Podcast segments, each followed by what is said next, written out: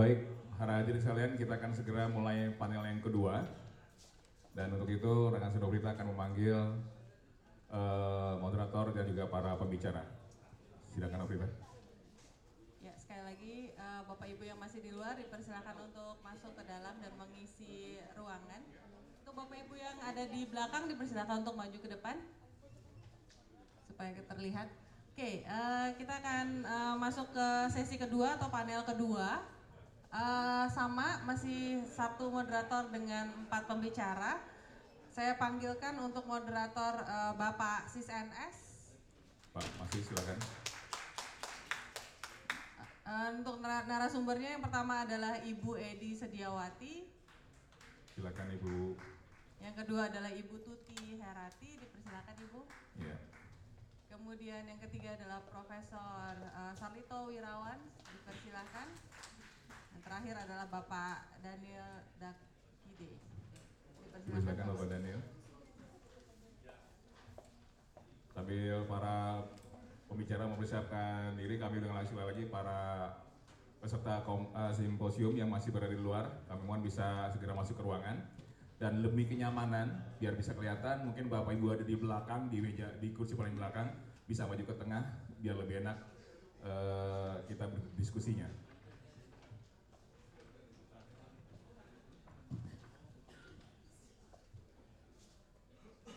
Sambil menunggu. Oh. Ya, ini adalah uh, para pembicara kita untuk panel yang kedua. Kepada moderator Mas NS, kami persilakan.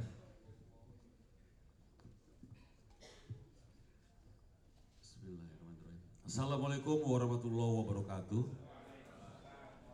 Ibu Bapak hadirin, para pembicara, panitia, kalau ada wartawan juga wartawan, Selamat sore. Kayaknya udah makin gak seru nih, udah mulai ngantuk. Karena coffee break nggak ada kopi tadi. Cuma break doang, nggak ada kopinya tadi. Coba bilangnya coffee break, coffee break, whiskey break ya. Ya ini inilah hidup. Yang depannya udah habis tadi, yang pembicara-pembicara tadi mana? Jangan egois dong, dia ditonton dia nggak mau nonton. Rocky mana tadi? Panggil tuh. Hah? Oke, pokoknya oh masih ada pembicara pindah ke belakang dia. Uh, di sini saya lihat juga tadi banyak pelaku-pelaku humor dan dibilang bahwa humor itu harus adil dan beradab.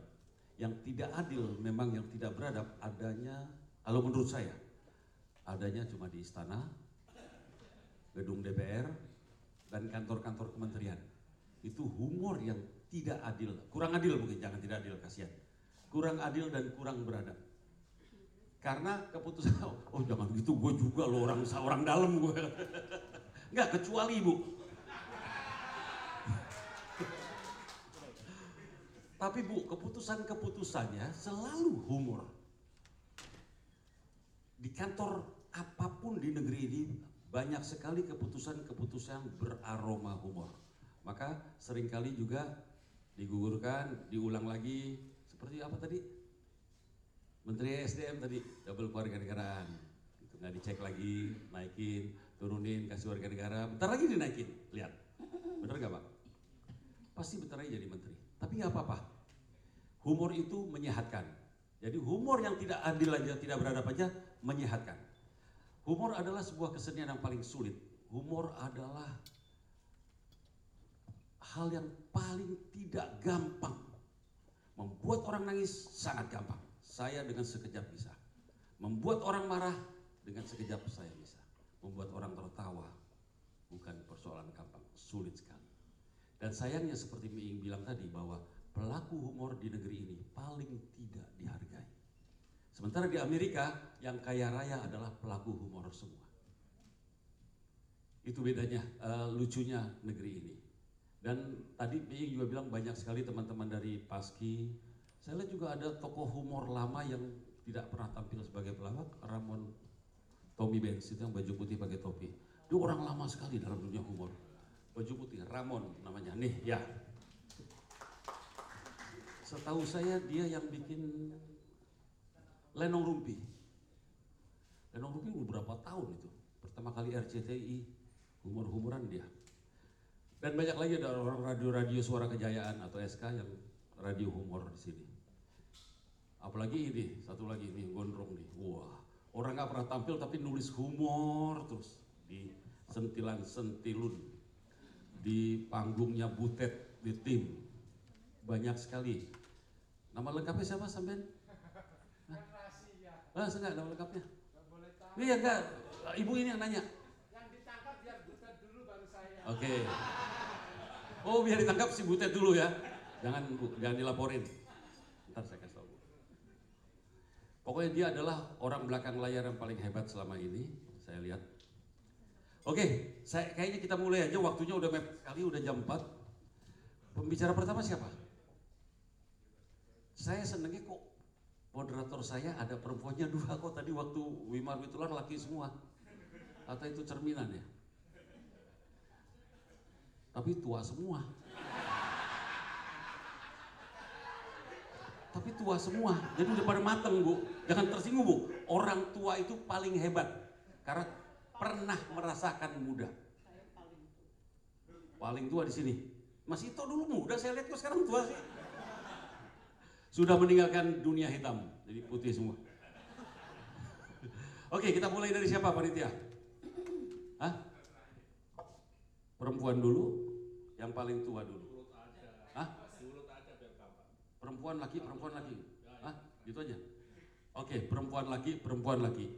Tua dulu, laki tua lagi. Perempuan agak muda, laki agak muda. Setuju ya? Ini bermutu. Pembicara hari ini bermutu, bermuka tua. Oke bu, silakan bu. Iya, kan ngakunya paling tua tadi. Terima kasih. Loh kok terima kasih? Soalnya saya nyesel ngaku paling tua sebab malah jadi pembicara pertama. Ada kekhawatiran besar pada saya bahwa saya akan terlalu serius ngomongnya. Ya, apa boleh buat. Tapi meskipun begitu saya tetap berusaha untuk mulai dengan sesuatu yang mudah-mudahan lucu. Begini, tapi ini menyangkut filsafat Rocky mana? Pasti udah pulang, belum? Oke. Belum. Jadi, kira-kira dua tiga minggu lalu berkumpullah 35 orang doktor filsafat. Dan dengan serius mereka berkumpul, lalu mereka menyatakan ingin membentuk suatu perkumpulan profesional. Ya boleh-boleh aja. Tapi sekarang apa namanya perkumpulan itu? Perkumpulan doktor filsafat. Tinggal disingkat akronimnya jadi apa? Ternyata jadi pedofil.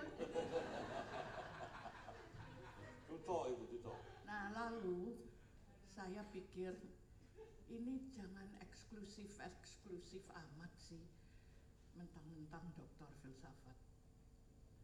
Gini aja, jangan doktor filsafat tapi dosen aja. Kalau dosen itu lebih menjamin kualitas. Oke, perkumpulan dosen filsafat disingkat coba apa? Tetap pedofil ya terserah silahkan nyari nama sendiri. Nah ini sebagai pengantar ya. Tapi saya rasa ini perlu pengantar ini sebelum kita mencoba sebetulnya menganalisa atau memahami yang disebut humor itu. Sebetulnya dalam humor itu selalu ada dua komponen ya. Komponen yang satu itu adalah komponen emosi. Dan emosi dalam hal humor itu agresi. Dan agresi itu bisa terbuka, bisa juga tersembunyi.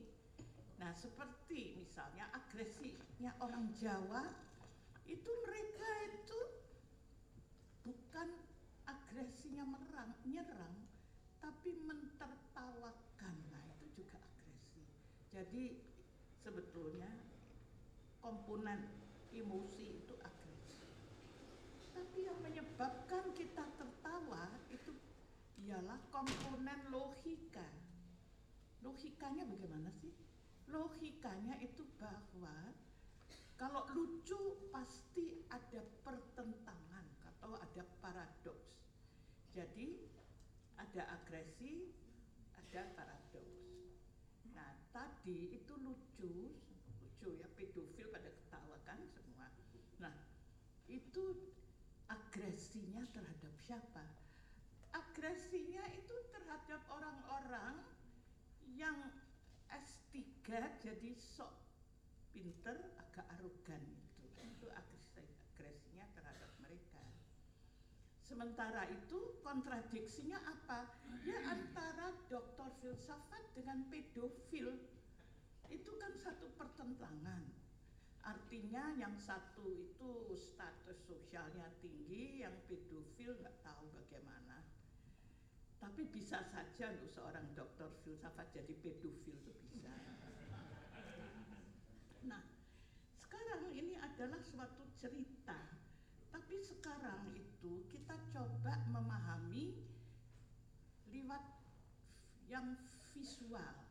Nah, dan untuk itu saya ambil majalah Tempo dan majalah Tempo itu saya ambil 20 biji malah lebih 25 biji dan 25 buah itu kemudian saya lihat pada halaman 3 biasanya ada kartun. Nah, lalu saya membuat satu diagram tentang kartun itu. Nah, baiklah kita pelajari dulu ini kartun diagramnya. Kolom pertama menyebutkan tanggal. Tanggal majalah itu tampil. Kolom dua adalah temanya apa saja. Nah, temanya itu macam-macam. Ada sayonara Shinkansen, ada lagi yang aduh ruki. Nah, kita udah bisa nebak gitu kira-kira tentang apa. Yang ketiga itu goyang mundur setia, setia itu ya tidak lain tentu setia Novanto. Nah, ini adalah sampulnya. Lalu kartunnya, ternyata kartun itu nggak ada hubungannya dengan sampul dan itu membuat saya kecewa. Mestinya saya bilang sama Tempo ini ya, bikin kartun kok nggak ada kaitannya sih sama sampul. Karena apa? Pada kartunnya itu jadi kita harus nebak apa sih temanya, apa sih sasarannya. Nah, pada kolom tiga itu ada tanda minus positif, minus berarti tidak ada kaitannya, plus berarti ternyata ada juga kaitannya dengan sampul. Misalnya pada kartun kedua, aduh rugi, ternyata di situ kartunnya itu tentang DPR yang melemahkan KPK. Tapi apa lucu? Enggak tuh. Enggak ada lucunya karena tidak terlihat satu kontradiksi.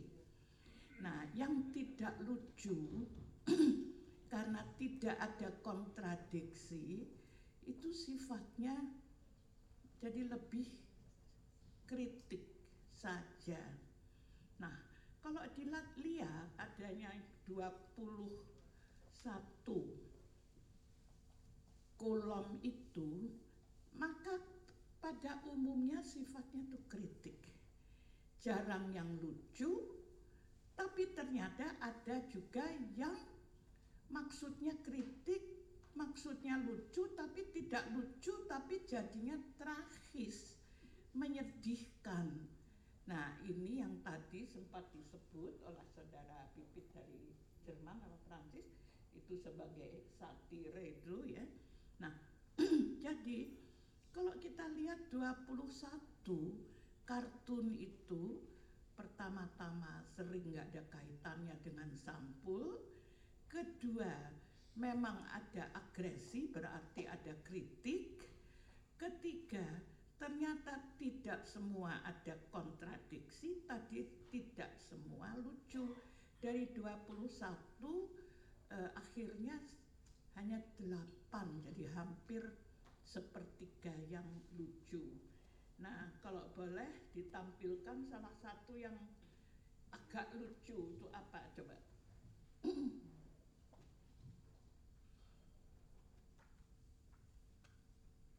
Gambarnya. Nah, ini ini kritik ya tentu pada siapa? Pada pemerintah. Yaitu anak kecil pulang sekolah dulunya dia nyanyi selamat pagi. Nah, ini malah selamat malam. Karena apa? Ya karena full day school itu membuat dia pulang malam. Nah, ini kritik pada pemerintah. Kemudian berikut. Nah, ini kritik sebetulnya pada ti- tidak jelas karena tidak ada temanya. Tapi kalau lihat tikus-tikusnya itu seperti para koruptor. Tapi para koruptor itu ternyata mereka malah di sini melemahkan KPK. Jadi rupa-rupanya ada kaitannya dengan tadi DPR yaitu melemahkan KPK. Cuman ada satu lagi kritik saya pada Tempo ialah pada kalau ini memang maksudnya terkait dengan DPR melemahkan KPK berarti kartunya ada di majalah yang salah. Artinya adanya di majalah yang berikut minggu kemudian itu pun bisa terjadi. Jadi ini sebetulnya eh, lucu juga diketahui oleh Tempo ya. Jadi tidak ada kaitan antara kartun dan kop dan sampul. Seringkali kartunnya itu cocok, tapi cocoknya dengan apa? Dengan majalah yang akan datang. Jadi itu terjadi tiga kali, tiga kali itu terjadi. Oke, tapi singkatnya kritik itu ditujukan pada pemerintah, kritik itu ditujukan pada DPR, kemudian kritik itu ditujukan berikut. Nah, ini lucu apa tidak lucu? Nggak keluar. Ya, sebetulnya bukan ini. Ada yang lain tapi nggak apa-apa. Ya, ini. Nah, ini adalah pada pemerintah DKI. Tentu ini Ahok soal reklamasi. Ini yang termasuk yang keliru, tidak mestinya pada tempo yang akan datang masuknya minggu ini ya itu Ahok. Lalu berikut Nah, ini terhadap perempuan. Terhadap perempuan karena apa? Di mana letak kontradiksinya? Kontradiksinya ialah yang satu belanja pakai tas kresek, yang lain belanja pakai tas Hermes ya. Jadi itu kontradiksi antara kresek dan Hermes agresinya pada apa? Ya pada perempuan yang suka belanja jadi konsumtif ya. Kemudian ada lagi gambar. Nah, ini ini udah jelas kritik ya kritik bukan pada pemerintah sebetulnya. Kritik pada kebudayaan kita. Budaya kita di mana orang suka 70% suka merokok sampai ke anak-anak dan ini sudah masalah kebudayaan jadi susah untuk dilarang. Satu-satunya cara untuk menaikkan harga rokok. Ada lagi gambar? Nah, ini juga salah satu itu juga kritik pada kebudayaan yaitu kebudayaan mudik. Ya artinya orang pulang bukan bawa oleh-oleh tapi malah bawa orang ya. Jadi ini sebetulnya kritik pada kebudayaan kita. Jadi merokok, mudik terhadap koruptor, bahaya korupsi. Kemudian yang belum tadi atau sudah yaitu Setia Novanto dia itu menjanjikan apa bisa mundur gambarnya. Jadi dia bilang tapi sebelumnya ada gambar lagi dia menjanjikan ya deh saya mundur, saya mundur. Saya mundur itu terbalik ya. Ini lucu ini ya. Hurufnya terbalik. Jadi bicara mundur tapi kesian juga. Jadi cepet-cepet ayo dikasih kursi ketua. Coba yang berikut. Nah, jadi dia mundur terus kursi ketua. Yang ZZZ itu saya nggak ngerti apa karena orang DPR sukanya tidur. Oh, ya ya ya. Terima kasih. Sekarang kita teruskan ya. Jadi kita lihat tadi cerita pedofil. Habis itu kita lihat secara visual di majalah Tempo. Sekarang ada sesuatu yang pernah terjadi dua tahun yang lalu, yaitu perang poesi pasca pemilu.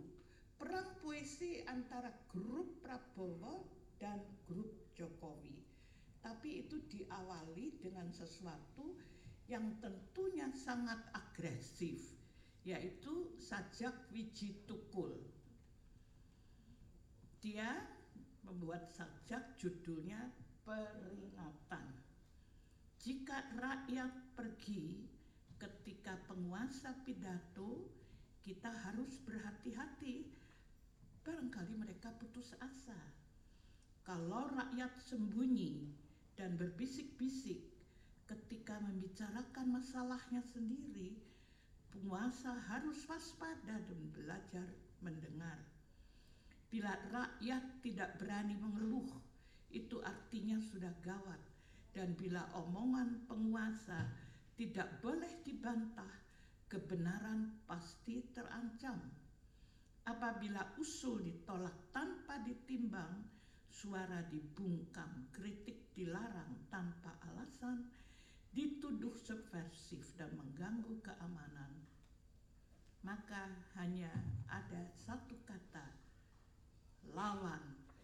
Nah, jadi ini sajak biji tukul dan kita tahu akibatnya. Biji tukul itu menghilang sampai sekarang. Saya tidak menya- menyampaikan atau memberi informasi, tapi dia bukan menghilang, dia dihilangkan dan sampai sekarang itu masih ada suatu kelompok yang tiap hari Kamis mengadakan kamisan untuk memperingati orang hilang. Tapi ini sebetulnya tidak lucu lagi, ini tragis. Tapi udah jelas ini adalah agresi yang juga tidak tersembunyi lagi. Nah, sekarang ini agresi yang tersembunyi sajak seekor ikan. Seekor ikan di akuarium ku beli dari tetangga sebelah. Warnanya merah, kerempeng dan lincah. Setiap hari berenang menari, menyusuri taman air yang asri, menggoda dari balik kaca, menarik perhatian siapa saja. Seekor ikan di akuarium melompat ke sungai, bergumul di air deras terbawa ke laut lepas. Di sana ia bertemu ikan hiu, paus dan gurita menjadi santapan ringan penguasa samudra. Nah, ini adalah sajak yang ditulis oleh Fadlizon. Dan ini sajak ditujukan ya jelas juga pada Jokowi. Dan apa kesimpulan? Ya dia menganggap Jokowi seperti ikan kecil, lincah, lemah, tidak tahu diri. Karena berani menantang hiu, paus, dan gurita, ya berani untuk menantang koalisi merah putih. Nah sekarang sajak Fadlizon lagi, yaitu sajak tentang boneka. Sebuah boneka berbaju kotak merah muda rebah di pinggir kota. Nah itu baju kotak-kotak siapa lagi ya? Maka itu ada sajak panjang dan di situ disebutkan dalam kamus besar boneka tak ada kata jujur, percaya dan setia. Boneka bebas diperjualbelikan tergantung penawaran. Boneka jadi alat mainan, bobok-bobokan atau lucu-lucuan. Boneka mengabdi pada sang tuan siang dan malam. Boneka bisa dipeluk mesra, boneka bisa dibuang kapan saja. Sebuah boneka tak punya agenda kecuali kemauan pemiliknya. Siapa pemiliknya?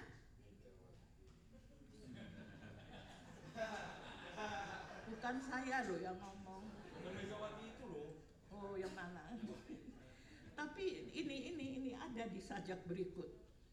Kecuali kemauan pemiliknya. Nah, pemiliknya ini tentu dalang ya. Jadi sajak berikut namanya sajak raiso opopo. Seperti wayang digerakkan dalang, siapa dalangnya? Cerita sejuta harapan.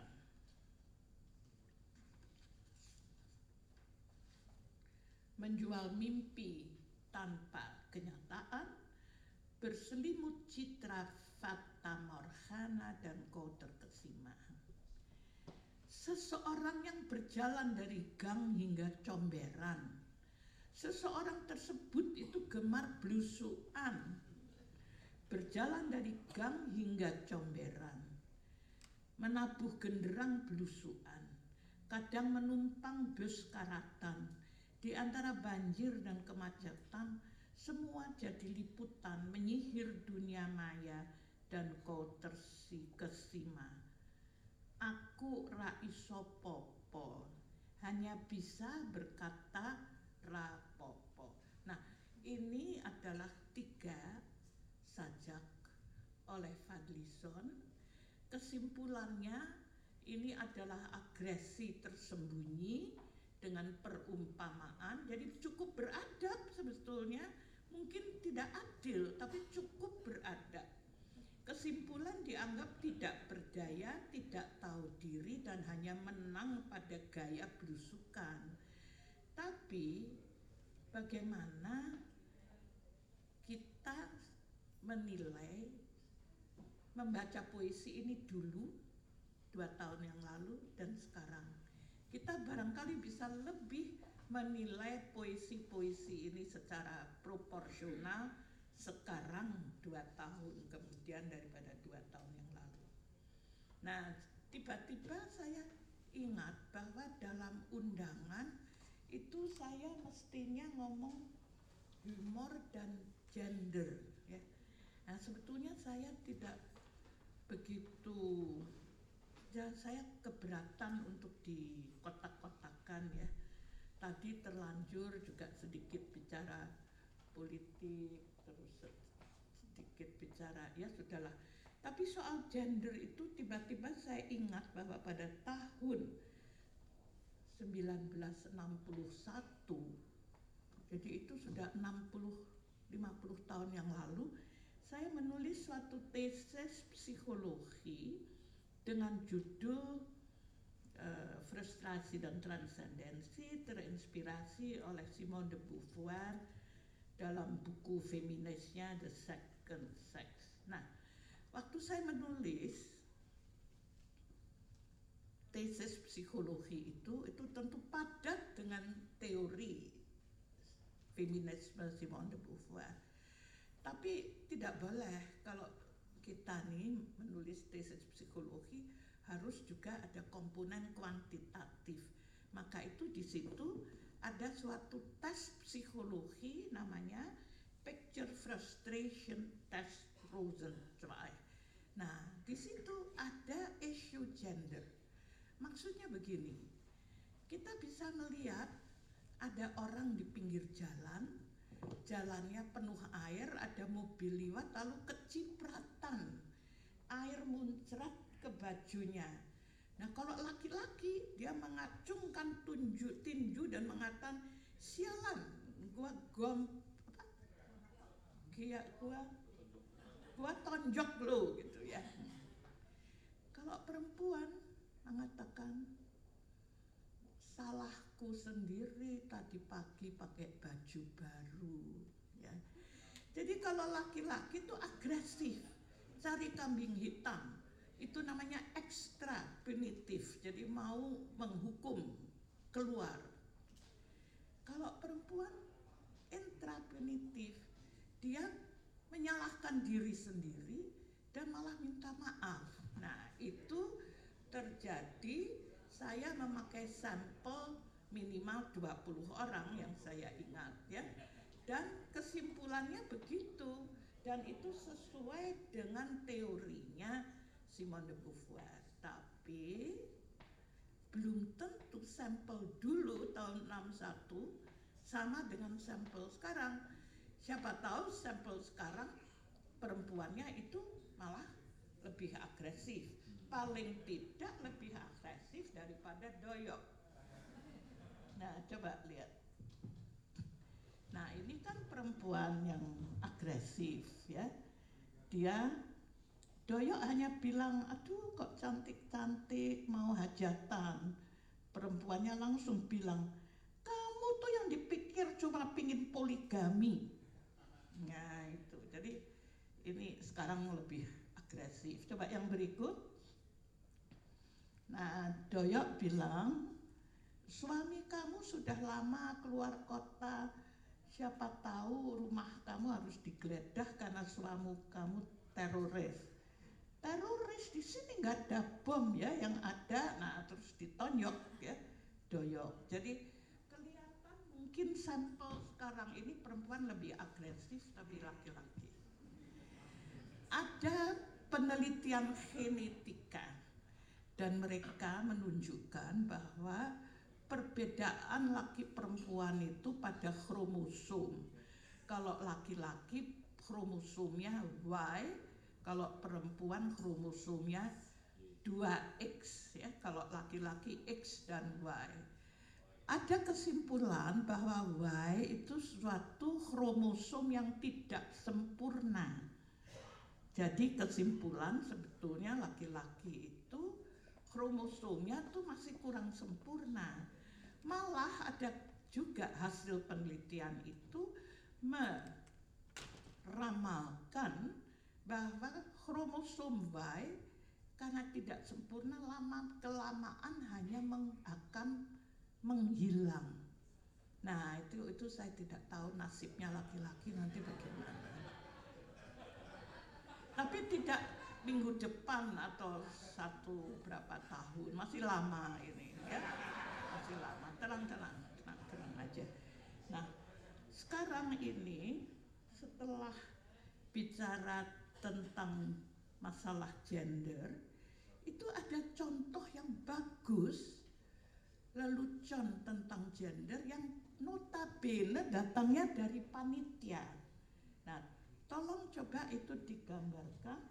Itu ada di dalam tor panitia ada gambar di mana kita lihat sepasang pasangan suami istri Jawa karena lakinya pakai belangkon ya.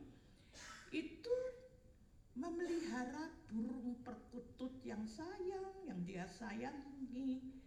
Burung perkutut kesayangan yang biasanya dikerek untuk didengar kicauannya yang merdu. Tapi yang di lalu kok dia ngomong, bagaimana sih? Saya tidak terbaca ya hurufnya terlalu kecil.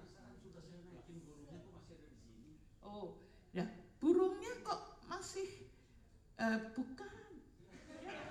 Dia bilangnya, dia bilang ini burungnya, burungnya sudah saya kerek, kok tidak terdengar kicauannya. Ternyata yang dikerek itu istrinya. Nah, ini jelas ada agresi terhadap istrinya yang mestinya disayangi tentu ya.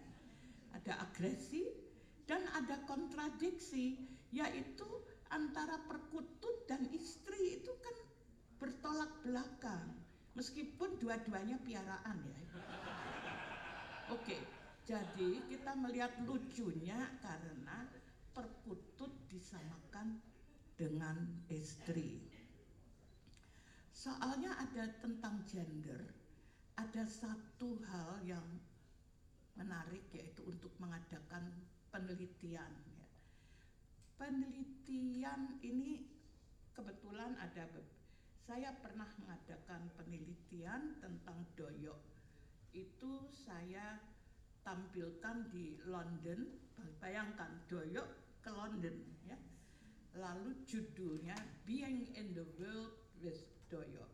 Itu diselenggarakan oleh eh, SOAS School of American and African Am- African and Oriental Studies dan di situ saya menyampaikan eh, paper tentang doyok ini dan juga membaca puisi dan kita pergi ke Stonehenge ya. dengan Ibu Edi sama-sama itu penelitian. Lalu penelitian Simone de Beauvoir yang perempuan dan laki yang kecipratan itu kan saya juga pakai sampel itu penelitian lagi. Tapi penelitian ini yang bagus sekali belum saya lakukan yaitu apa? Tapi saya membaca suatu artikel di Time ya. Kita sekarang kan ribut ya di UI pun ribut soal LGBT kan yang belum tahu L itu lesbis G itu gay B itu biseksual T itu transgender. Nah penelitian itu harus dilakukan untuk kelompok transgender ini. Karena transgender itu mengadakan istilahnya transisi dari laki ke perempuan dan dari perempuan ke laki. Dan itu sangat menarik untuk diwawancara ya. Suatu penelitian apa perbedaan mereka dalam pengalaman? Itu di dalam majalah Time ada transgender yang ditulis oleh laki-laki oleh perempuan yang menjadi laki-laki. Kenapa nunjuk ke Pak Dilon bukan transgender.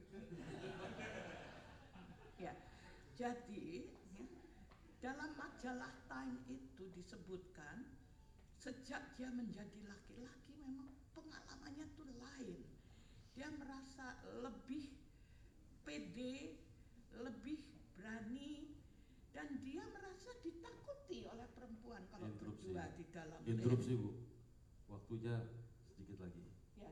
Ya. Maka itu jadi ini sebagai penutup bahwa harus dilakukan suatu penelitian tentang transgender ini.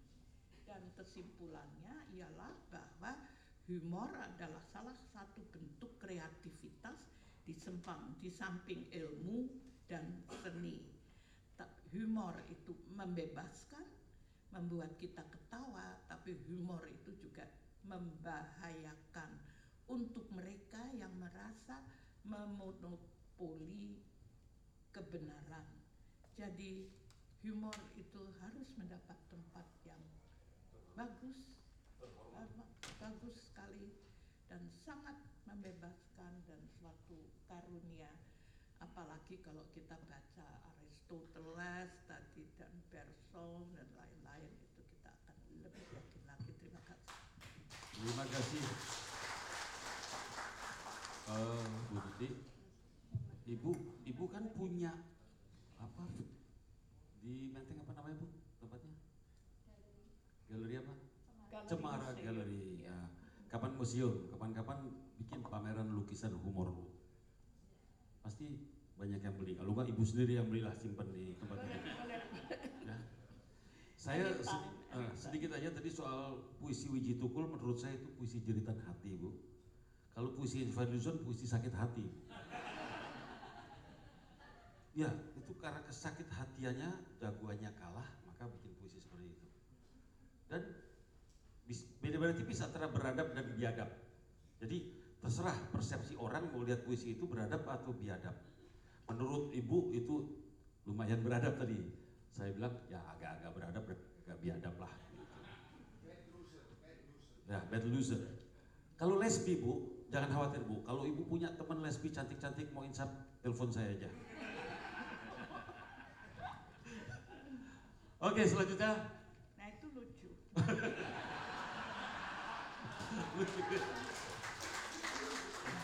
Tapi agak susah bu, mahal tuh ngobatin orang lesbi. Aduh tua dua nih laki nih sekarang. Ada ini? Hah? Nah, umur lagi sesama orang tua dilarang saling mendahului. Oh Mas itu terakhir ya? Oke silakan Pak.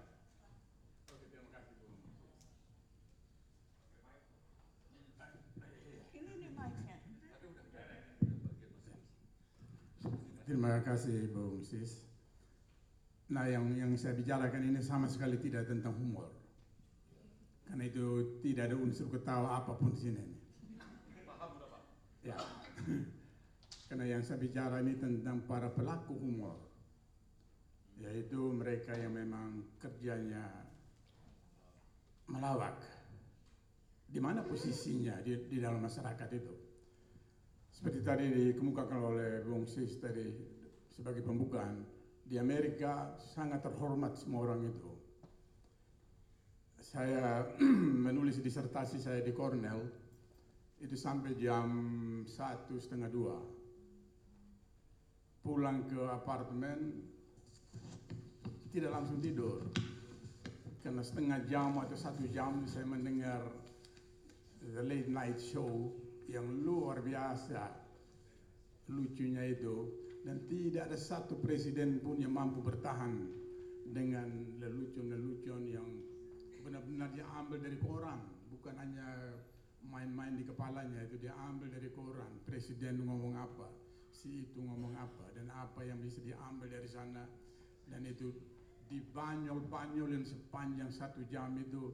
Saya pikir banyak presiden yang memang harusnya pingsan tetapi di Amerika mereka menganggap itu sesuatu yang yang malah merangsang kreativitas mereka untuk kalau dia salah dia akan mengubah kalau dia ini seperti itu. Nah, eh, bagaimana di Indonesia ini? Saya pikir posisi para para pekerja humor ini saya tidak bilang para pelaku, saya bilang para pekerja itu karena benar-benar mengolah sesuatu itu. Posisi mereka benar-benar yang saya bilang di sini ini yaitu bahwa itu adalah in the eyes of the beholder. Di mata orang yang lihat, di mata orang yang di telinga orang yang mendengar dan seterusnya. Yaitu mereka memecah belah itu yaitu ada yang terima atau tidak terima, ada yang membenci atau mencintai mereka. Tetapi berapapun membenci orang terhadap si pelaku atau pekerja humor itu,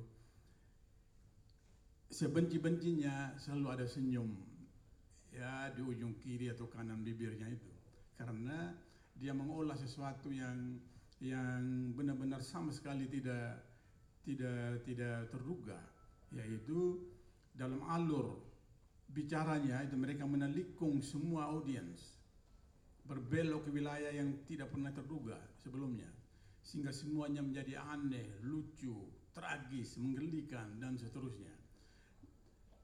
Nah, mereka meloncat masuk ke dalam akar-akar persoalan.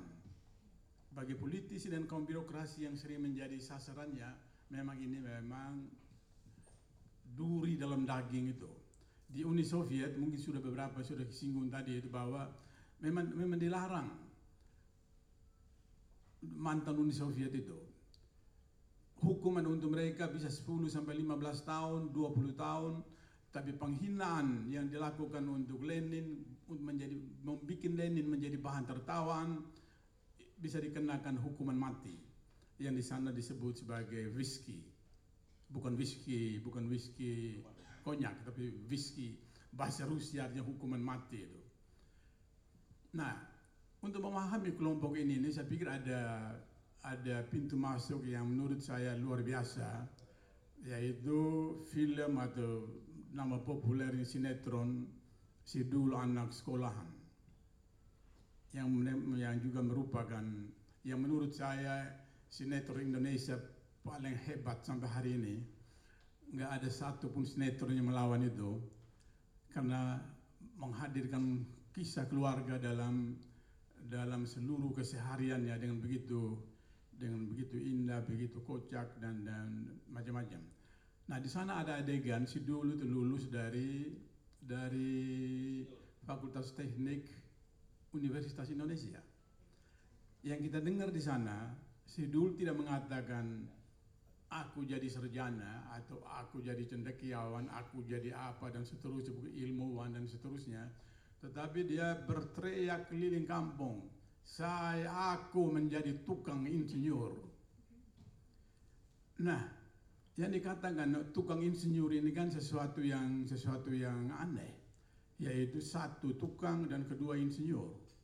Tukang kalau kita buka kamus besar bahasa Indonesia itu artinya orang yang cakap membuat sesuatu dengan dengan satu perkakas.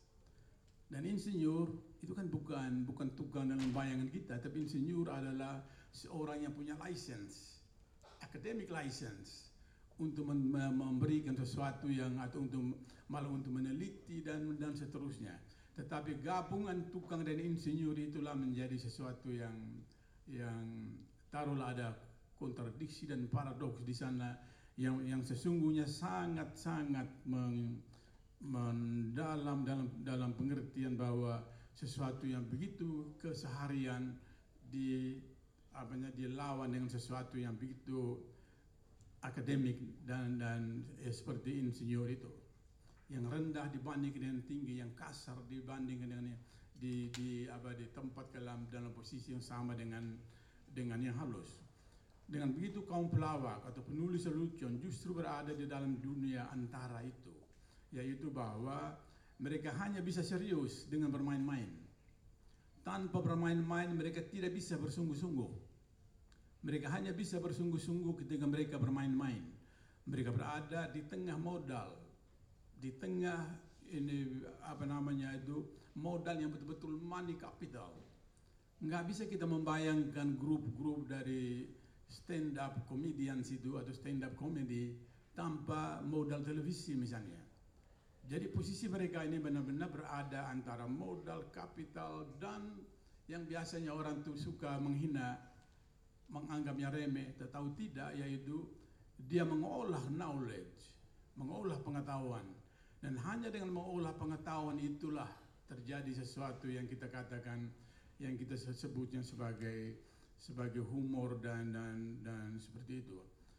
Hampir semua pekerja humor adalah mereka yang berkecimpung dalam pengetahuan dalam arti seluas-luasnya, dalam arti, dalam arti sains, dalam arti humanities, sejarah, musik, olahraga dan lain-lain. Dan semua yang dibilang oleh Mi ingin saya udah pergi tadi itu itu benar-benar mengolah history, mengolah peristiwa-peristiwa sosial.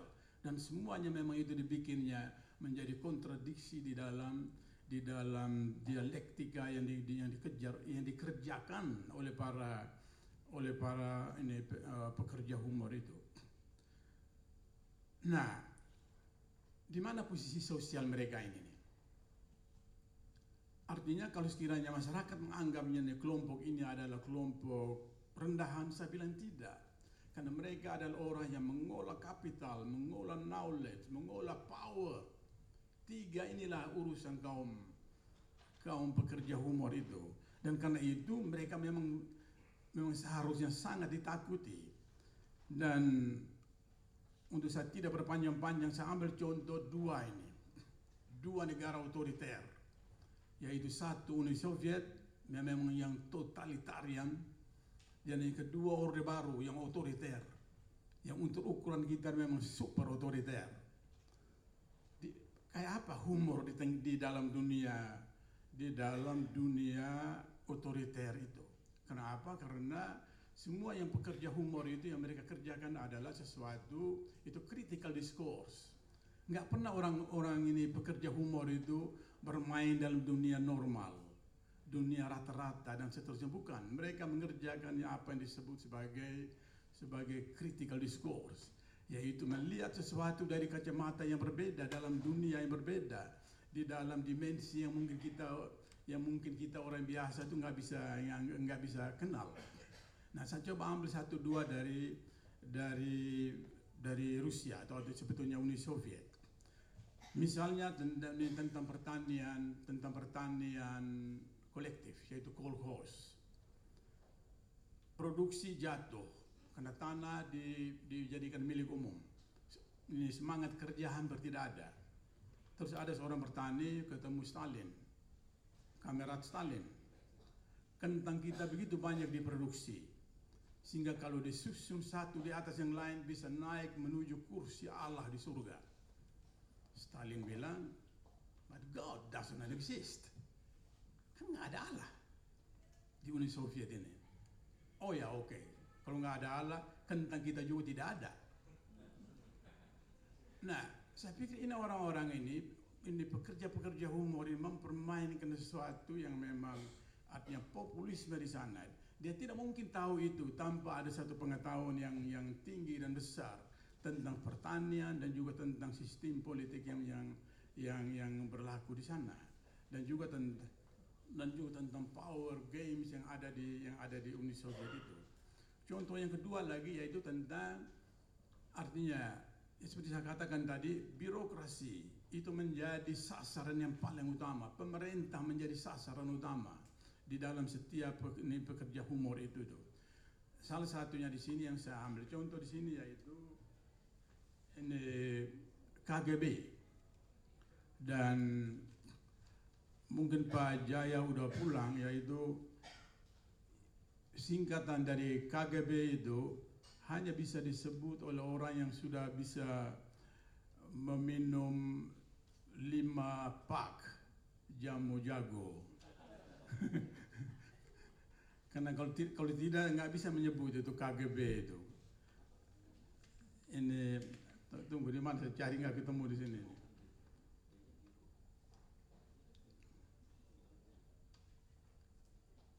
Oh ini nih.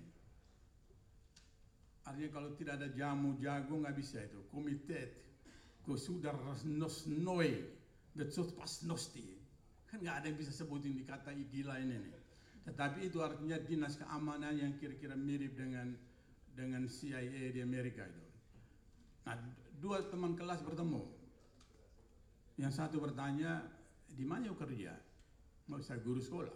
Dan Anda? Saya bekerja untuk dinas rahasia KGB.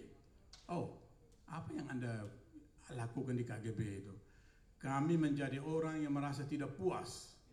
Tentu saja dengan negara sosialis. Maksud Anda, ada orang yang puas.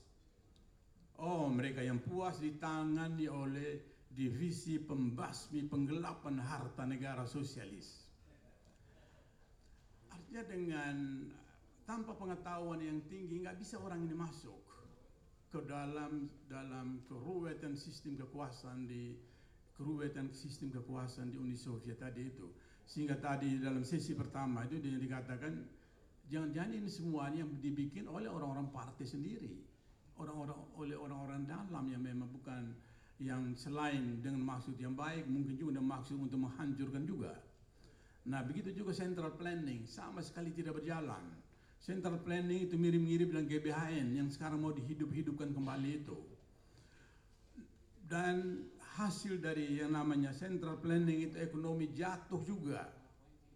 Dan tiba-tiba katanya ada seorang menteri dari Cina yang ketemu dengan dengan dengan Brezhnev. Dan dia tanya, kayak apa sih ekonomi Anda di, di Rusia ini? Brezhnev jawab begini. Sebaiknya saya jawab begini saja, kata Brezhnev. Reagan punya 100 penasihat ekonomi. Dan salah satunya adalah seorang mata-mata. Pasti mata-mata Soviet, KGB. Tapi dia tapi Reagan tidak tahu yang mana. Mitterrand punya 100 kekasih selingkuhan. Dan salah satunya menginap AIDS. Tapi Mitterrand tidak tahu yang mana. Saya punya 100 ekonom dan salah satunya brilian. Tapi saya tidak tahu yang mana.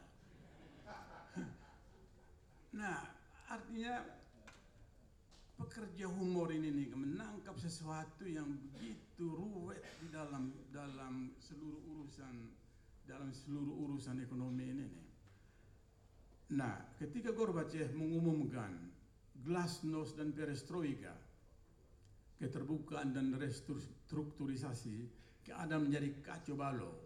Yang kolkos tadi sudah ber, dialihkan ini tanah milik perseorangan dan seterusnya dihidupkan kembali. Tetapi karena berlangsungnya tiba-tiba sesudah Uni Soviet jatuh pada tahun 89, semuanya juga membuat kacau lagi keadaan. Dan di tengah kekacauan itu ada dua orang yang antre untuk membeli vodka. Setelah satu jam, dua jam, baris antrian tidak bergerak. Semua menjadi tidak sabaran.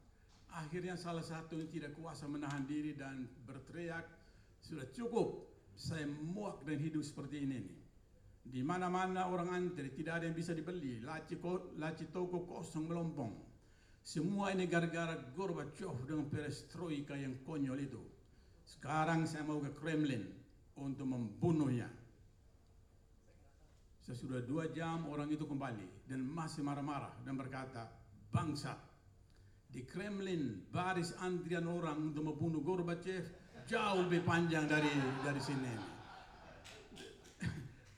Di sana antrian jauh lebih panjang daripada kita antri vodka. Nah, dan menurut menurut sumber yang saya kutip ini, dia bilang Gorbachev suka betul lelucon ini nih. Yang selalu diulang-ulang dalam pertemuan dengan orang dia selalu mengulang-ulang tentang hal ini nih. Artinya sesuatu yang memang sangat berbeda dengan dengan kita gitu, tapi itu urusan lain lah. Nah, sekarang bagaimana Orde Baru? Tidak banyak humor terbuka yang dikumpulkan tentang Orde Baru oleh kita sendiri, oleh wartawan dan seterusnya. Dan Butet Kartarejasa temannya teman tadi itu di mana dia tadi itu sudah pindah ke belakang. Saya pikir dengan sangat brilian waktu itu tuh secara onomatopeik meniru suara Soeharto itu dan itu menjadi sesuatu yang menjadi menjadi lelucon yang pahit untuk seluruh orang yang mendengar kayak apa tuh diktator Soeharto itu.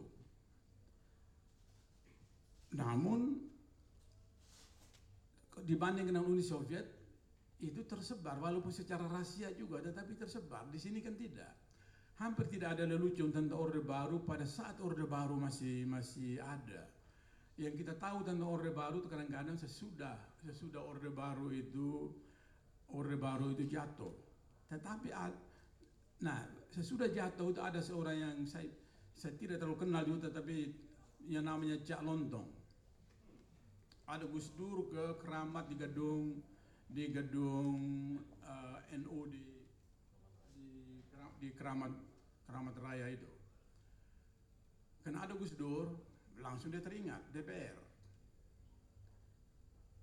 Dia katakan saya sudah meneliti DPR seluruh Jawa Timur.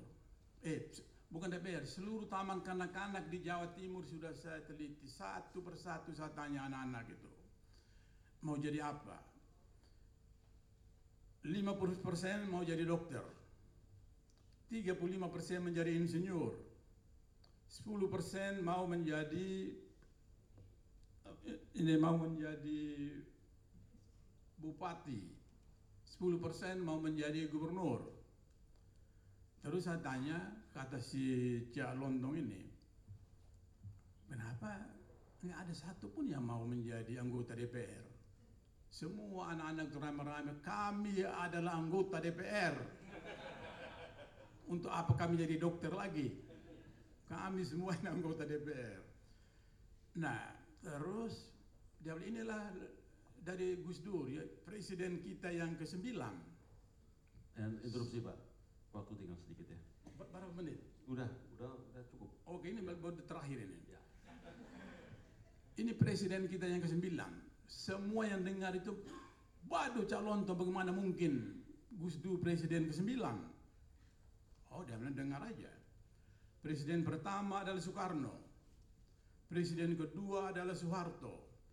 Presiden ketiga Soeharto. Presiden keempat Soeharto. Presiden kelima Soeharto, keenam Soeharto, ketujuh Soeharto, kedelapan Soeharto. Nah, Gus Dur presiden yang ke-9. Nah, logika seperti begini ini kan bukan logika biasa ini.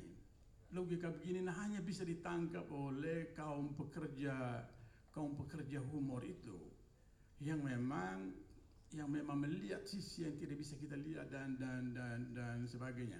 Dalam contoh yang saya kemukakan tadi kita lihat bahwa semua yang memang sangat basic, sangat fundamental dalam suatu sistem politik diangkat oleh kaum pekerja humor itu, yaitu di Uni Soviet tentang populisme, tentang, tentang aparat negara, tentang kekacauan central planning, tentang kekacauan perestroika dan dan dan ini dan, dan seterusnya. Dan di Indonesia tentang sesuatu yang memang konstitusi pun tidak mampu menjamin, yaitu tanpa diumumkan Presiden Soeharto sebetulnya mengerjakan diktator seluruhnya. Tapi jangan bilang seluruhnya, karena Soeharto baru menjadi diktator kira-kira tahun 82 sampai jatuhnya tahun 98. Nah, dan inilah yang diungkapkan oleh manusia pekerja humor kayak Cak Lontong itu. Terima kasih. Terima kasih Pak Daniel Daki. Saya coba tangkap satu Pak tadi soal KGB Pak. Saya pernah teringat KGB dulu masuk setelah tahun 65 masuk ke Glodok. Tertangkap oleh orang kita Pak, pedagang. Tanya, you dari mana? Saya agen rahasia. Agen rahasia apa? KGB.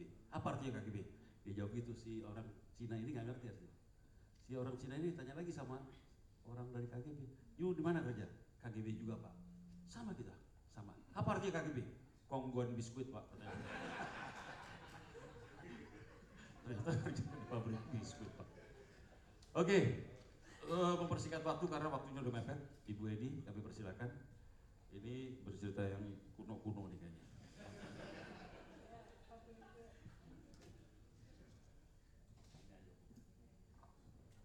Ya, izinkan saya membaca saja, saya sudah menyiapkan ini.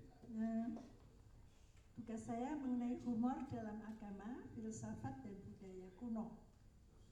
Pengetahuan kita mengenai zaman kuno sudah tentu dibatasi oleh peluang data yang masih mungkin kita peroleh mengenai masa lampau itu. Ada dua jenis data yang mungkin memuat informasi tentang humor, yaitu data tekstual dan data visual. Dalam membuat rekonstruksi mengenai keadaan-keadaan di masa lalu, antara lain tentang humor ini, diperlukan saling tunjang antara data tekstual dan data visual. Dan sudah tentu ini tidak selalu mudah karena masalah penerjemahan dan sebagainya kan soal tersendiri. Nah, zaman kuno yang paling mungkin untuk digali datanya adalah apa yang dapat kita sebut zaman Jawa kuno, yaitu bukan bukan Jawa sentris ya, tapi ini masalah keterbatasan data. Eh, yaitu suatu zaman yang masih menyisakan untuk kita pelajari baik data tekstual maupun data visual. Data tekstual berupa tulisan, baik yang ditulis sebagai karya sastra pada lembaran-lembaran rontal yang kemudian disalin terus-menerus di Bali untuk ada tradisi penyalinan itu, maupun yang ditulis sebagai pernyataan sosial politik berupa prasasti maupun inskripsi-inskripsi pendek. Bahasa yang digunakan dalam data tekstual tersebut adalah apa yang kita sebut sebagai bahasa Jawa kuno yang di dalamnya banyak terserap kosakata dari bahasa Sanskerta. Hal ini eh, sesuai dengan ihwal sejarah kebudayaan yang mengandung informasi bahwa agama yang dominan pada masa tersebut adalah agama Hindu dan Buddha yang sumber-sumber tertulisnya banyak bergantung pada bahasa Sanskerta. Bahasa tersebut menjadi besar pengaruhnya dalam pembangunan sosok bahasa literer lokal pada waktu itu, yaitu bahasa Jawa kuno. Sebagaimana kita ketahui, kita juga menghasilkan sastra kakawin yang berbahasa Jawa kuno dalam bentuk puisi. Nah, yang baru disebut di atas adalah suatu gambaran garis besar. Di samping penyerapan kosakata Sanskerta ke dalam bahasa Jawa kuno itu, terdapat pula pertahanan kosakata lokal yang hidup dalam bahasa pakai orang-orang di masa Jawa kuno tersebut yang sama sekali tidak menunjukkan keterkaitan dengan bahasa Sanskerta. Di antara kosakata lokal tersebut terdapat kata amirus dan abanyol yang berarti pelawak atau seniman lawak. Kedua istilah itu sering disebut di antara nama-nama profesi yang dinyatakan bebas dari pajak oleh di dalam prasasti yang dikeluarkan oleh raja. Nah, yang penting bagi kita sebagai penerima data adalah fakta bahwa pada masa Jawa kuno itu ada pekerjaan melawak sebagai suatu profesi. Namun, apa yang membedakan kedua istilah itu, yaitu amirus dan abanyol? Apakah yang satu lebih cenderung ke gerak, yang lain lebih cenderung ke kata-kata? Belum jelas benar keterkaitannya dengan penggunaan kata-kata atau gerak-gerak tubuh. Nah, sumber humor dalam ungkapan karya seni dapat berupa kata-kata ataupun gerak tingkah. Keduanya bisa menggunakan kiat dalam tanda petik melawan yang biasa dan dengan demikian mempertentangkan nilai-nilai. Jadi ini bisa digarap sebagai suatu sumber melucu gitu. Dalam hal penggunaan kata-kata dapat dicari contoh pemberian arti kata yang mengandung perlawanan atau yang mempertentangkan nilai-nilai. Nah, dapat pula dicari contoh homonim dengan makna-makna yang berbeda atau bunyi yang mirip namun mempunyai makna berbeda. Nah, saya belum bisa memberikan contoh-contoh konkretnya karena ini harus diteliti dulu dengan pembacaan teks. Ya, nah, nah dalam hal gerak dapat diungkap contoh-contoh gerak yang tak cocok dengan yang patut, misalnya dengan adegan tari lucu dengan posisi tungkai yang berlawanan dengan yang patut atau yang biasa. Nah, eh, di belakang ini kita berikan contoh dari beberapa uh, relief yang ada di Candi Borobudur yang diambilkan oleh teman dari panitia, uh, di mana di situ ini monyet. Uh, kalau di dalam posisi posisi uh, kaki yang standar, yang klasik itu mestinya kedua. Saya harusnya pakai celana panjang ya. Kedua kaki ke samping samping. Tapi ini kan agak agak satu agak satu arah gitu ya. Bisa e, contoh yang lain, ini monyet soalnya. Nah ini adalah e, kenapa kok ketawa?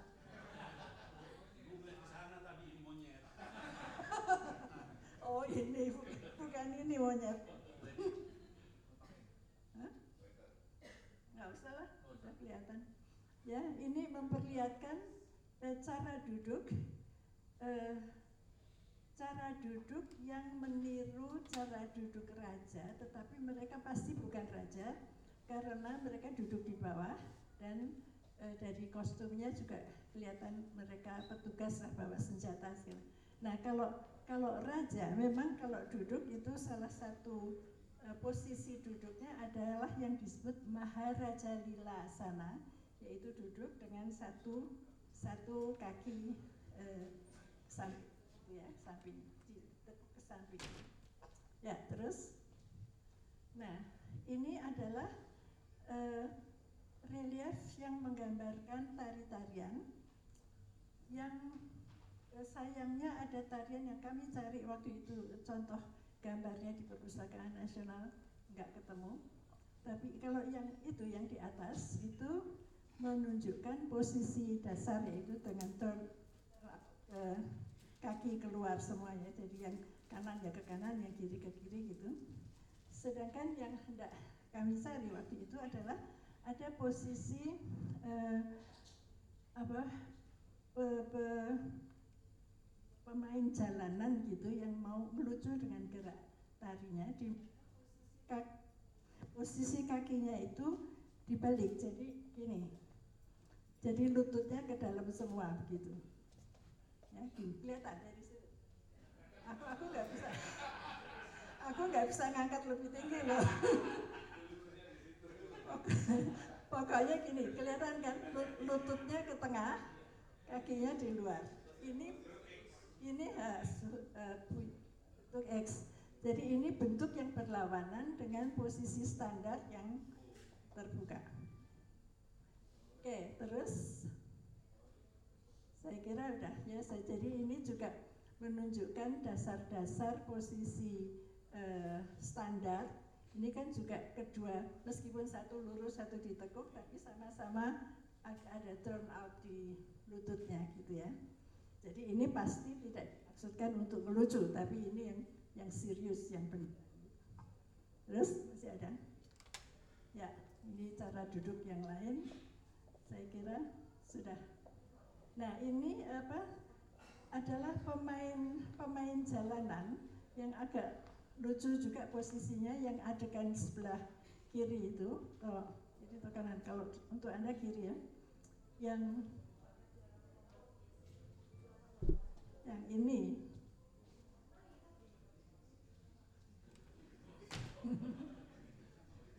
ya ya oke ya ya betul betul ya ini kan juga eh, mereka pemain jalanan, mereka bukan pemain keraton.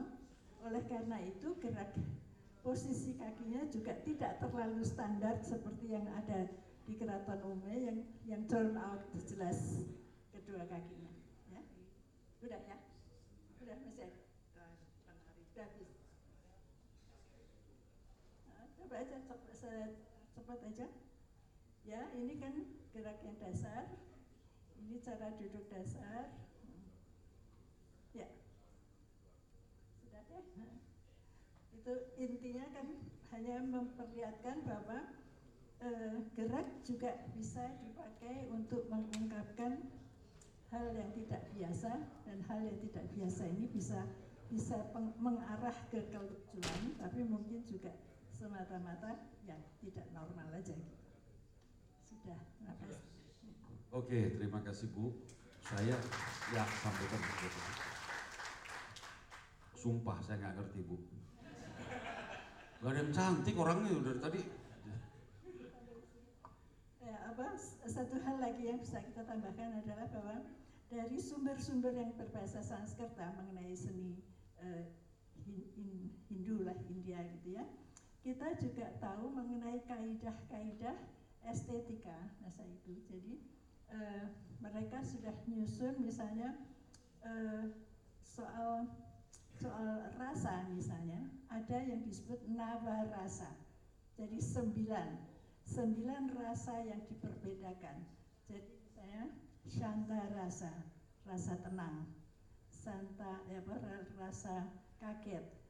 Lalu ada rasa lucu. Jadi ada salah satu di antara sembilan rasa itu ada kocak itu ada. Berarti orang pada zaman itu sudah sangat menyadari bahwa kelucuan adalah suatu kehidupan apa kebagian hidup yang perlu dikembangkan. Ya. Sekarang 10 Bu udah Bu. Dulu 9. Ada rasa mabuk juga Pak Bu. Peminum, iya. Kalau minum tuh rasanya rasa apa tuh? Nggak sadar gitu. Kayak kalau dalam humor dalam agama tuh ada Bu soal pemabuk. Kayak contoh teman saya. Dia pemabuk berat. Tukang minum setiap hari mabuk. Minum terus. Suatu saat whisky, gin, bukan gin itu, dry gin. Ah, gin tonic, apa gin gin tomang. Suatu saat saya nggak ketemu lima tahun. Saya ketemu, saya ketemu sahabatnya. Eh, si pemabuk tuh apa kabar? Saya tanya. Alhamdulillah. Insaf. Enggak pakai galon sekarang. Lebih parah. Udah pakai gelas. Itu rasa ke-10 tuh, Bu. Oke, kita sambung lagi sekarang secara psikologi. Ini humor Jessica. Silakan Mas Edo. Ya, em, ya saya agak sulit memang waktu mendapat tugas ini untuk membahas humor dari psikologi, sulit banget. Dan memang dicari-cari teorinya apa gitu ya. Dan buktinya memang yang dari delapan pembicara, kebanyakan itu larinya keluar dari humor. Ya kan ke politik, ke macam-macam lah gitu. Mungkin Pak dari Pak Miing aja sama Pak Sis NS ini yang yang memang agak umur gitu ya. Yang lain-lainnya mah enggak. Tapi saya saya eh, lihat memang humor itu sudah disebut oleh berbagai pembicara. Eh, humor itu adalah kerjanya orang pintar, kerjanya orang kritis, bukan kerjanya orang bodoh kan gitu kan. Itu bukan main bukan hal yang gampang. Eh, lebih gampang membuat orang nangis daripada orang ketawa kan begitu. Dan humor menurut saya itu adalah ketawa loh. Di luar itu nggak humor menurut saya. Ya, kalau kritik orang, pemerintah itu bukan humor. Ya boleh kita berdebat dengan Pak Jaya bos itu, tapi tetap saya kalau humor ya ketawa, kalau nggak ketawa bukan humor. Nah, karena itu barangkali saya langsung aja kepengen memberikan contoh-contoh ya, yang kemudian eh, sambil saya ulas secara kalau ada psikologinya ya, kalau enggak ya nggak apa-apa. Dan yang sudah itu jadi kita bisa bisa selesai cepat kan gitu ya. Eh, oke lanjut di slide saja next next next itu aja dibesarkan slide show. nah next next Lo, eh, lanjut nah jadi humor adalah pengalaman kognitif tertentu yang bisa memucu tawa dan menghasilkan rasa gembira itu definisi saya. Tapi humor adalah serius ya, sudah dibicarakan tadi. Tentu saja ada humor slapstick seperti muka dilempar tar atau apa em, orang berak di celana begitu ya. Tapi banyak humor yang cerdas, ya hanya di, dicerna oleh orang cerdas. Walaupun banyak refleksi dan eksperimen, baik di lab maupun di panggung sampai sekarang belum ada satu kesepakatan tentang teori tentang humor ini dalam psikologi. Jadi Bu Tuti itu kan S1-nya psikologi. Karena itu memang paling dekat sama saya gitu dalam pandangannya. Ya, jadi sekarang juga barusan ini ya, apa yang beliau katakan ada kontradiksi-kontradiksi di dalam psikologi namanya eh, disonansi kognitif. Ya, disonansi kognitif. Terus tadi ada apa eh, burung di bawah. Burungnya di bawah ya? Ya itu burungnya bapak itu atau burungnya? Ya, itu nggak tahu. Burung yang bunyi atau burung yang nggak bunyi? Itu di bawah. Kemudian istrinya di atas kan? Nah itu kan sebetulnya displacement itu dalam dalam um, psikologi namanya ya pengalihan dari istri ke burung dari burung ke istri. Gitu. Ya, jadi banyak bisa diterangkan dalam psikologi tapi psikologi itu tidak bicara humor bicara tentang berbagai macam hal yang namanya uh, berbagai macam hal itu tapi kalau dia bikin ketawa baru humor gitu. Ya. Baik lanjut. Ada istilah joke yang yang sama dengan humor sebetulnya ungkapan atau perbuatannya sengaja diucapkan untuk memicu tawa. Nah lanjut. Nah mari saya ada beberapa uh, apa contoh ini ya. Saya akan mulai dulu dan yang nomor 3, 4, 5 pakai dari senjatanya saya. Ini 3, 4, 5 nanti dalam berupa apa? Berupa uh, video klip. Sekarang saya mulai dengan yang jangan diputus-putus dulu mas. Jangan dulu dulu, jangan jangan. Hop hop hop hop. Jangan jangan jangan jangan, jangan. kembali ke slide. Kembali ke slide. PowerPoint, PowerPoint. Nah belum selesai saya. Oke. Oke, coba. Nah. Next, lanjut. Oke, Lanjut. Oke, jadi sekarang ini pengalaman kakek. Kalau zaman sekarang namanya Mukidin kakek ini. Ya. Tapi di sini namanya jantan. Seorang kakek bernama jantan tinggal di dekat telaga yang airnya sangat jernih dan dikelilingi oleh pohon buah-buahan. Pada satu hari kakek jantan pergi ke telaga dengan membawa keranjang untuk memetik buah-buahan. Ya, lihat senyumnya si kakek ini. Lanjut. Lanjut. Lanjut. Oh si kakeknya bantu. Ya. Sesampai di sana didapati beberapa gadis cantik sedang berenang tanpa memakai selai pakaian pun alias telanjang bulat. Ya, tidak ada telanjang persegi ya, telanjangnya bulat. Nah, para gadis begitu melihat kakek datang, mereka langsung berenang ke bagian telaga yang dalam agar tubuhnya tidak nampak jelas oleh pandangan kakek dan mereka sambil berteriak, "Hai kakek, pergilah. Kami tidak akan keluar dari danau ini sampai kakek pergi dari sini." Lanjut. Kakek menjawab dengan tenang, "Saya ke sini bukan untuk mengingat kalian mandi, Neng. Jangan salah sangka ya. Saya udah tua katanya. Apalagi ingin melihat kalian keluar dari telaga dalam keadaan telanjang bulat. Ah, gak penting buat orang tua seperti kakek ini. Kakek ke sini cuma untuk memberi makan buaya yang ada di telaga ini. Next, nah ini buayanya. Nah, next, kontan saja secara serentak gadis-gadis itu bergegas berenang ke tepi danau, berlarian keluar telaga, rame-rame memeluk kakek, saking ketakutan tanpa memakai apa pun. Iya, iya. Yang kedua, jadi pesan moralnya ya, pesan moralnya umur boleh tua, tetapi pikiran harus tetap cerdas, berimpulsasi cepat dan tangkas, memanfaatkan setiap momen dengan cepat, dengan tepat guna pada guna. Jadi lanjut, karakter kakek harus disebut karakter laki-laki sejati yang ada tujuh kriterianya. Ini hafalkan ini. Ya. Satu kreatif, dua ambisius, tiga modern, empat progresif, lima responsif, enam elegan, dan tujuh tangguh. Disingkat, kampret.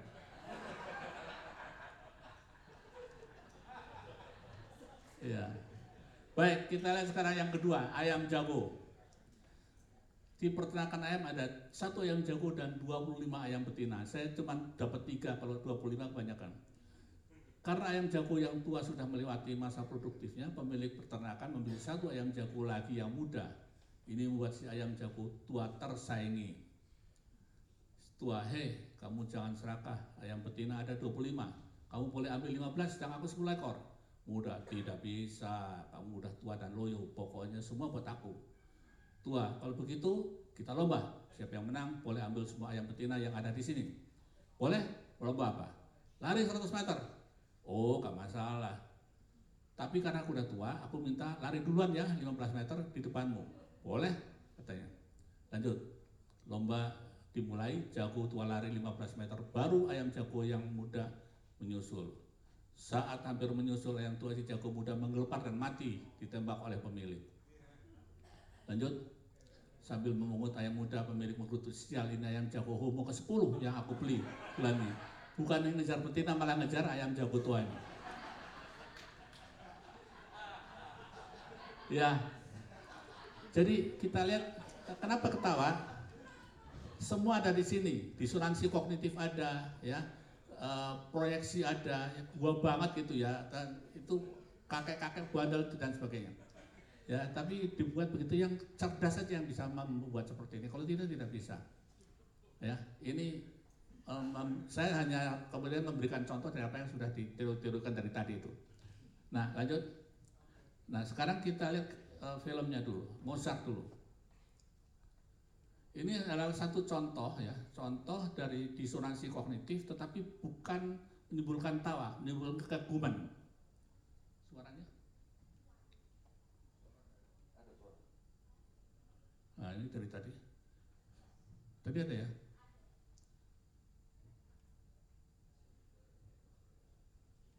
Mm-hmm.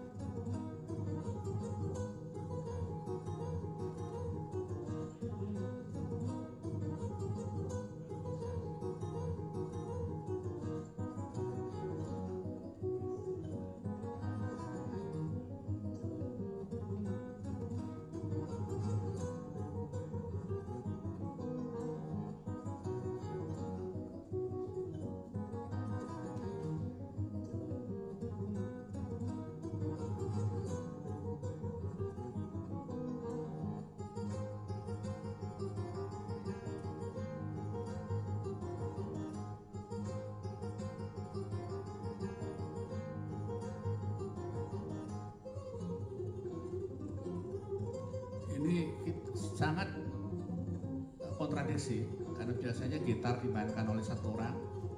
Ini dua orang dengan satu ya sa- eh, satu gitar yang satu main bass satu main melodi. Tapi tidak membuat kita ketawa kita kagum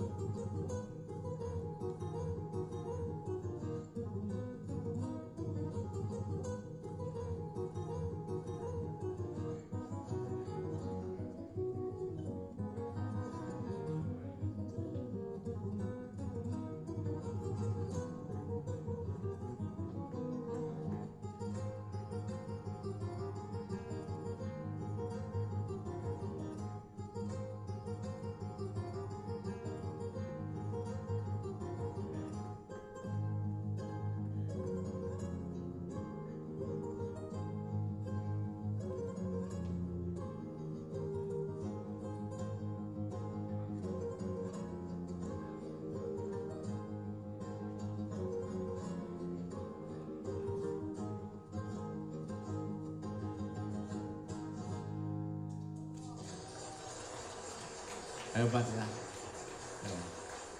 Baik.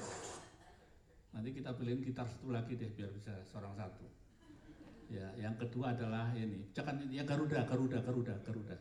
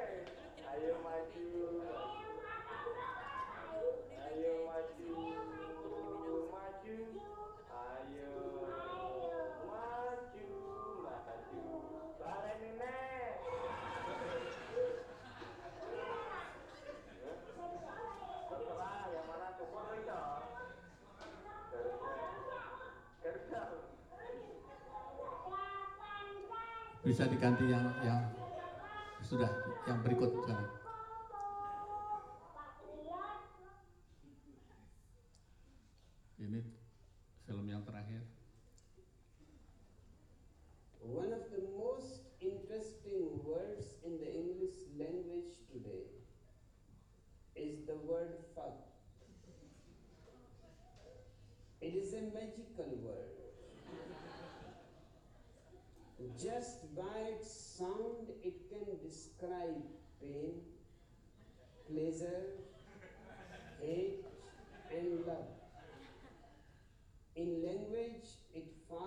Many grammatical categories.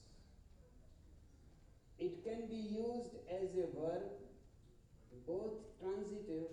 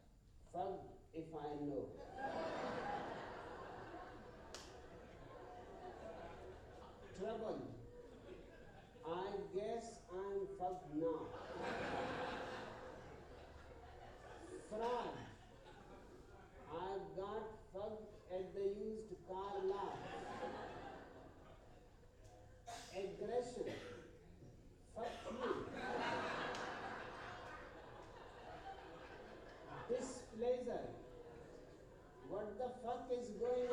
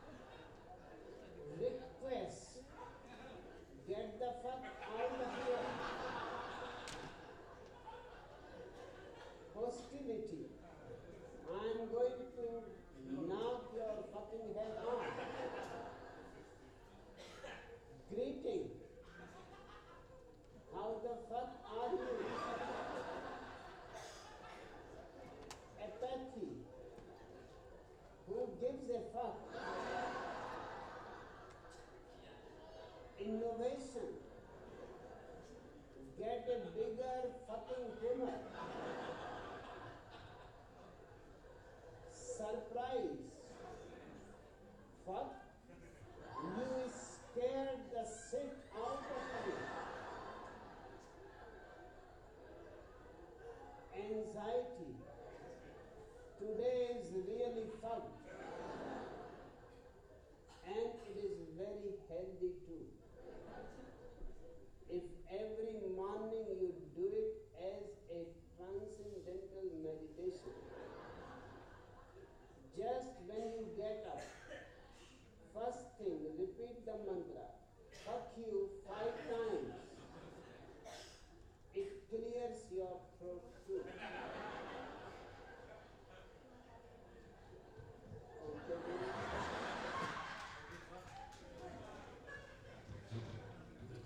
Ya, fuck you. Em, yang membuat ini lebih lucu adalah bahwa penampilan si pembawa itu bukan anak bertampang pangrok ya, tampang jorok.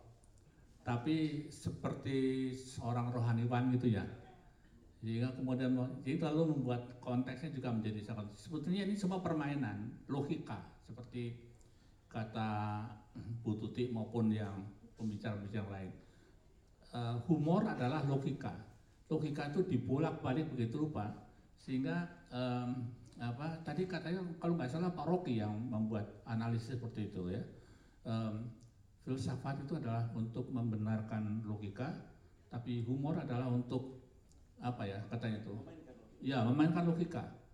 Dan logika itu dimainkan, nah kemudian bisa menjadi humor, tapi juga harus ada kecerdasan sebab belum tentu logika yang saya namakan tadi disonansi kognitif ini eh, otomatis menjadi humor. Ya, saya tadi memberikan contoh eh, dua pemain gitar itu, ya, yang itu sangat membolak-balikan logika, tapi tapi nyatanya dan tidak menjadi humor. Ya, jadi tidak selalu menjadi humor.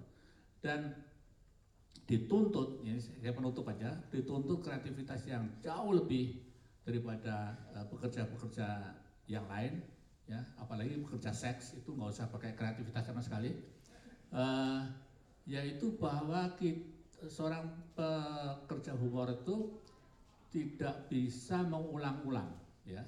Jadi sebuah sebuah disonansi kognitif, sebuah eh, humor ketika diperdengarkan dua tiga kali sudah bukan humor lagi, karena tidak lagi disonansi kognitif. Bukan dari mimikri aja. Kalau saya me- apa, mengulangi humor yang sudah di, pernah diperdengarkan oleh orang lain, diperdengarkan kedua kali, maka sudah tidak lucu lagi. Gitu ya.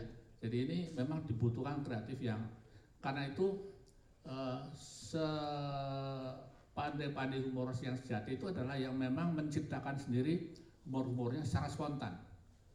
Ya, em, apa namanya? eh, Miing tadi memberikan contoh beberapa beberapa kali dia memberikan respons yang spontan itu atau ya banyak banyak em, apa eh, pelawak-pelawak yang bisa kayak gitu. Tapi kalau yang hanya rutin, em, apalagi pelawak-pelawak baru itu eh, mesti belajar banyak supaya dia bisa bermain dengan logikanya.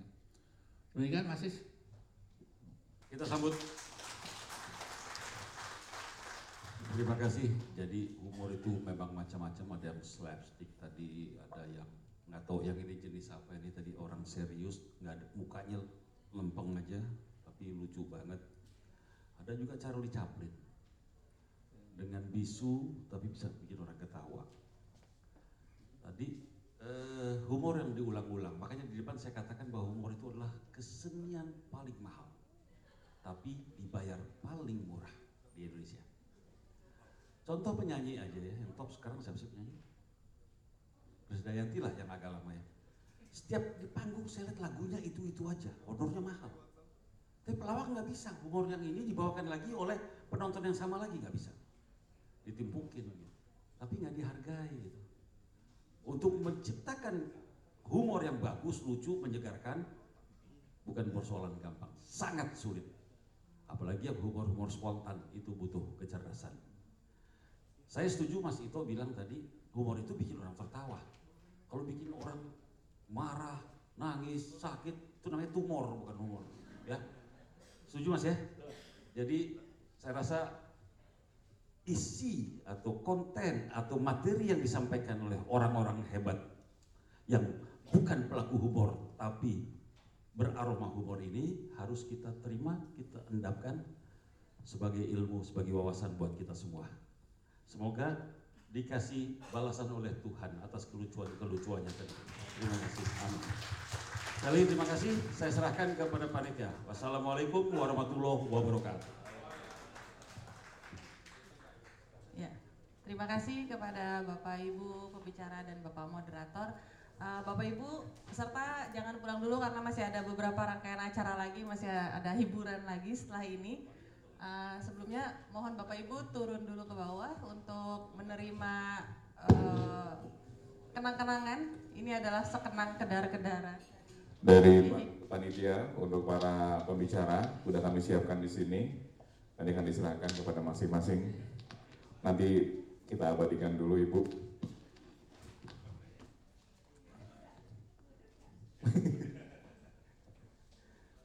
Nanti bisa digantung di ruang kerjanya. Masih.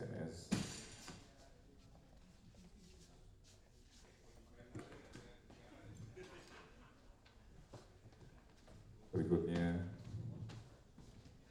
Ibu Tuti Herneti.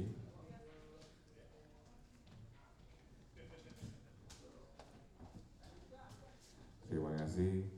Kemudian Prof. Sarlito. Ya, kasih. Berikutnya Bapak Daniel Dagidai.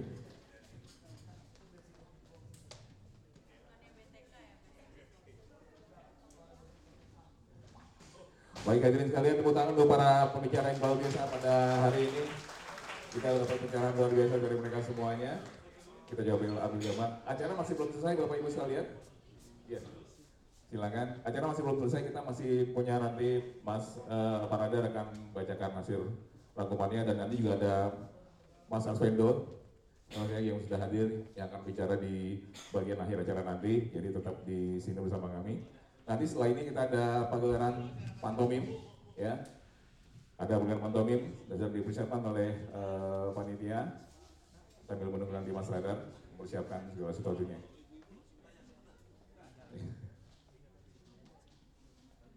Oke, sambil dibagikan ini materinya Mas Arswendo.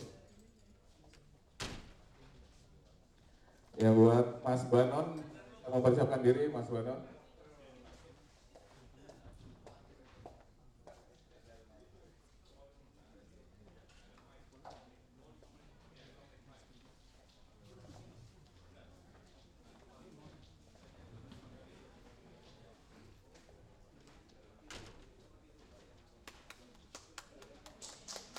Oke, tepuk tangan dulu buat Banon, Sebagai informasi Bapak Ibu, ini adalah pasangan suami istri.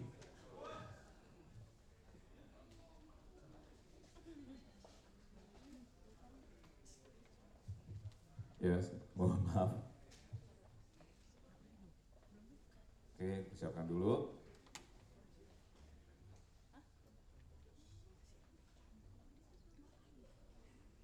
Masih cek sound. Tenang aja mas, saya bantu ngomong. Udah? Belum. Sabar-sabar, kita tunggu lagi kira-kira dua, dua tahunan. Kita dipersiapkan.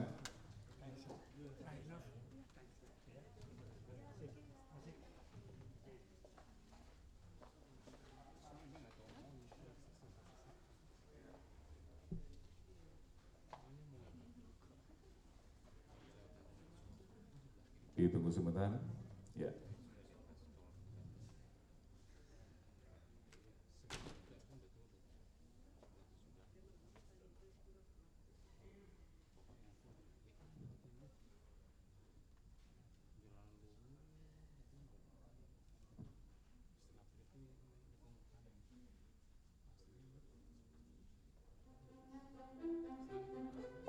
Dipersilakan. Tepuk tangan untuk Bapak Mai.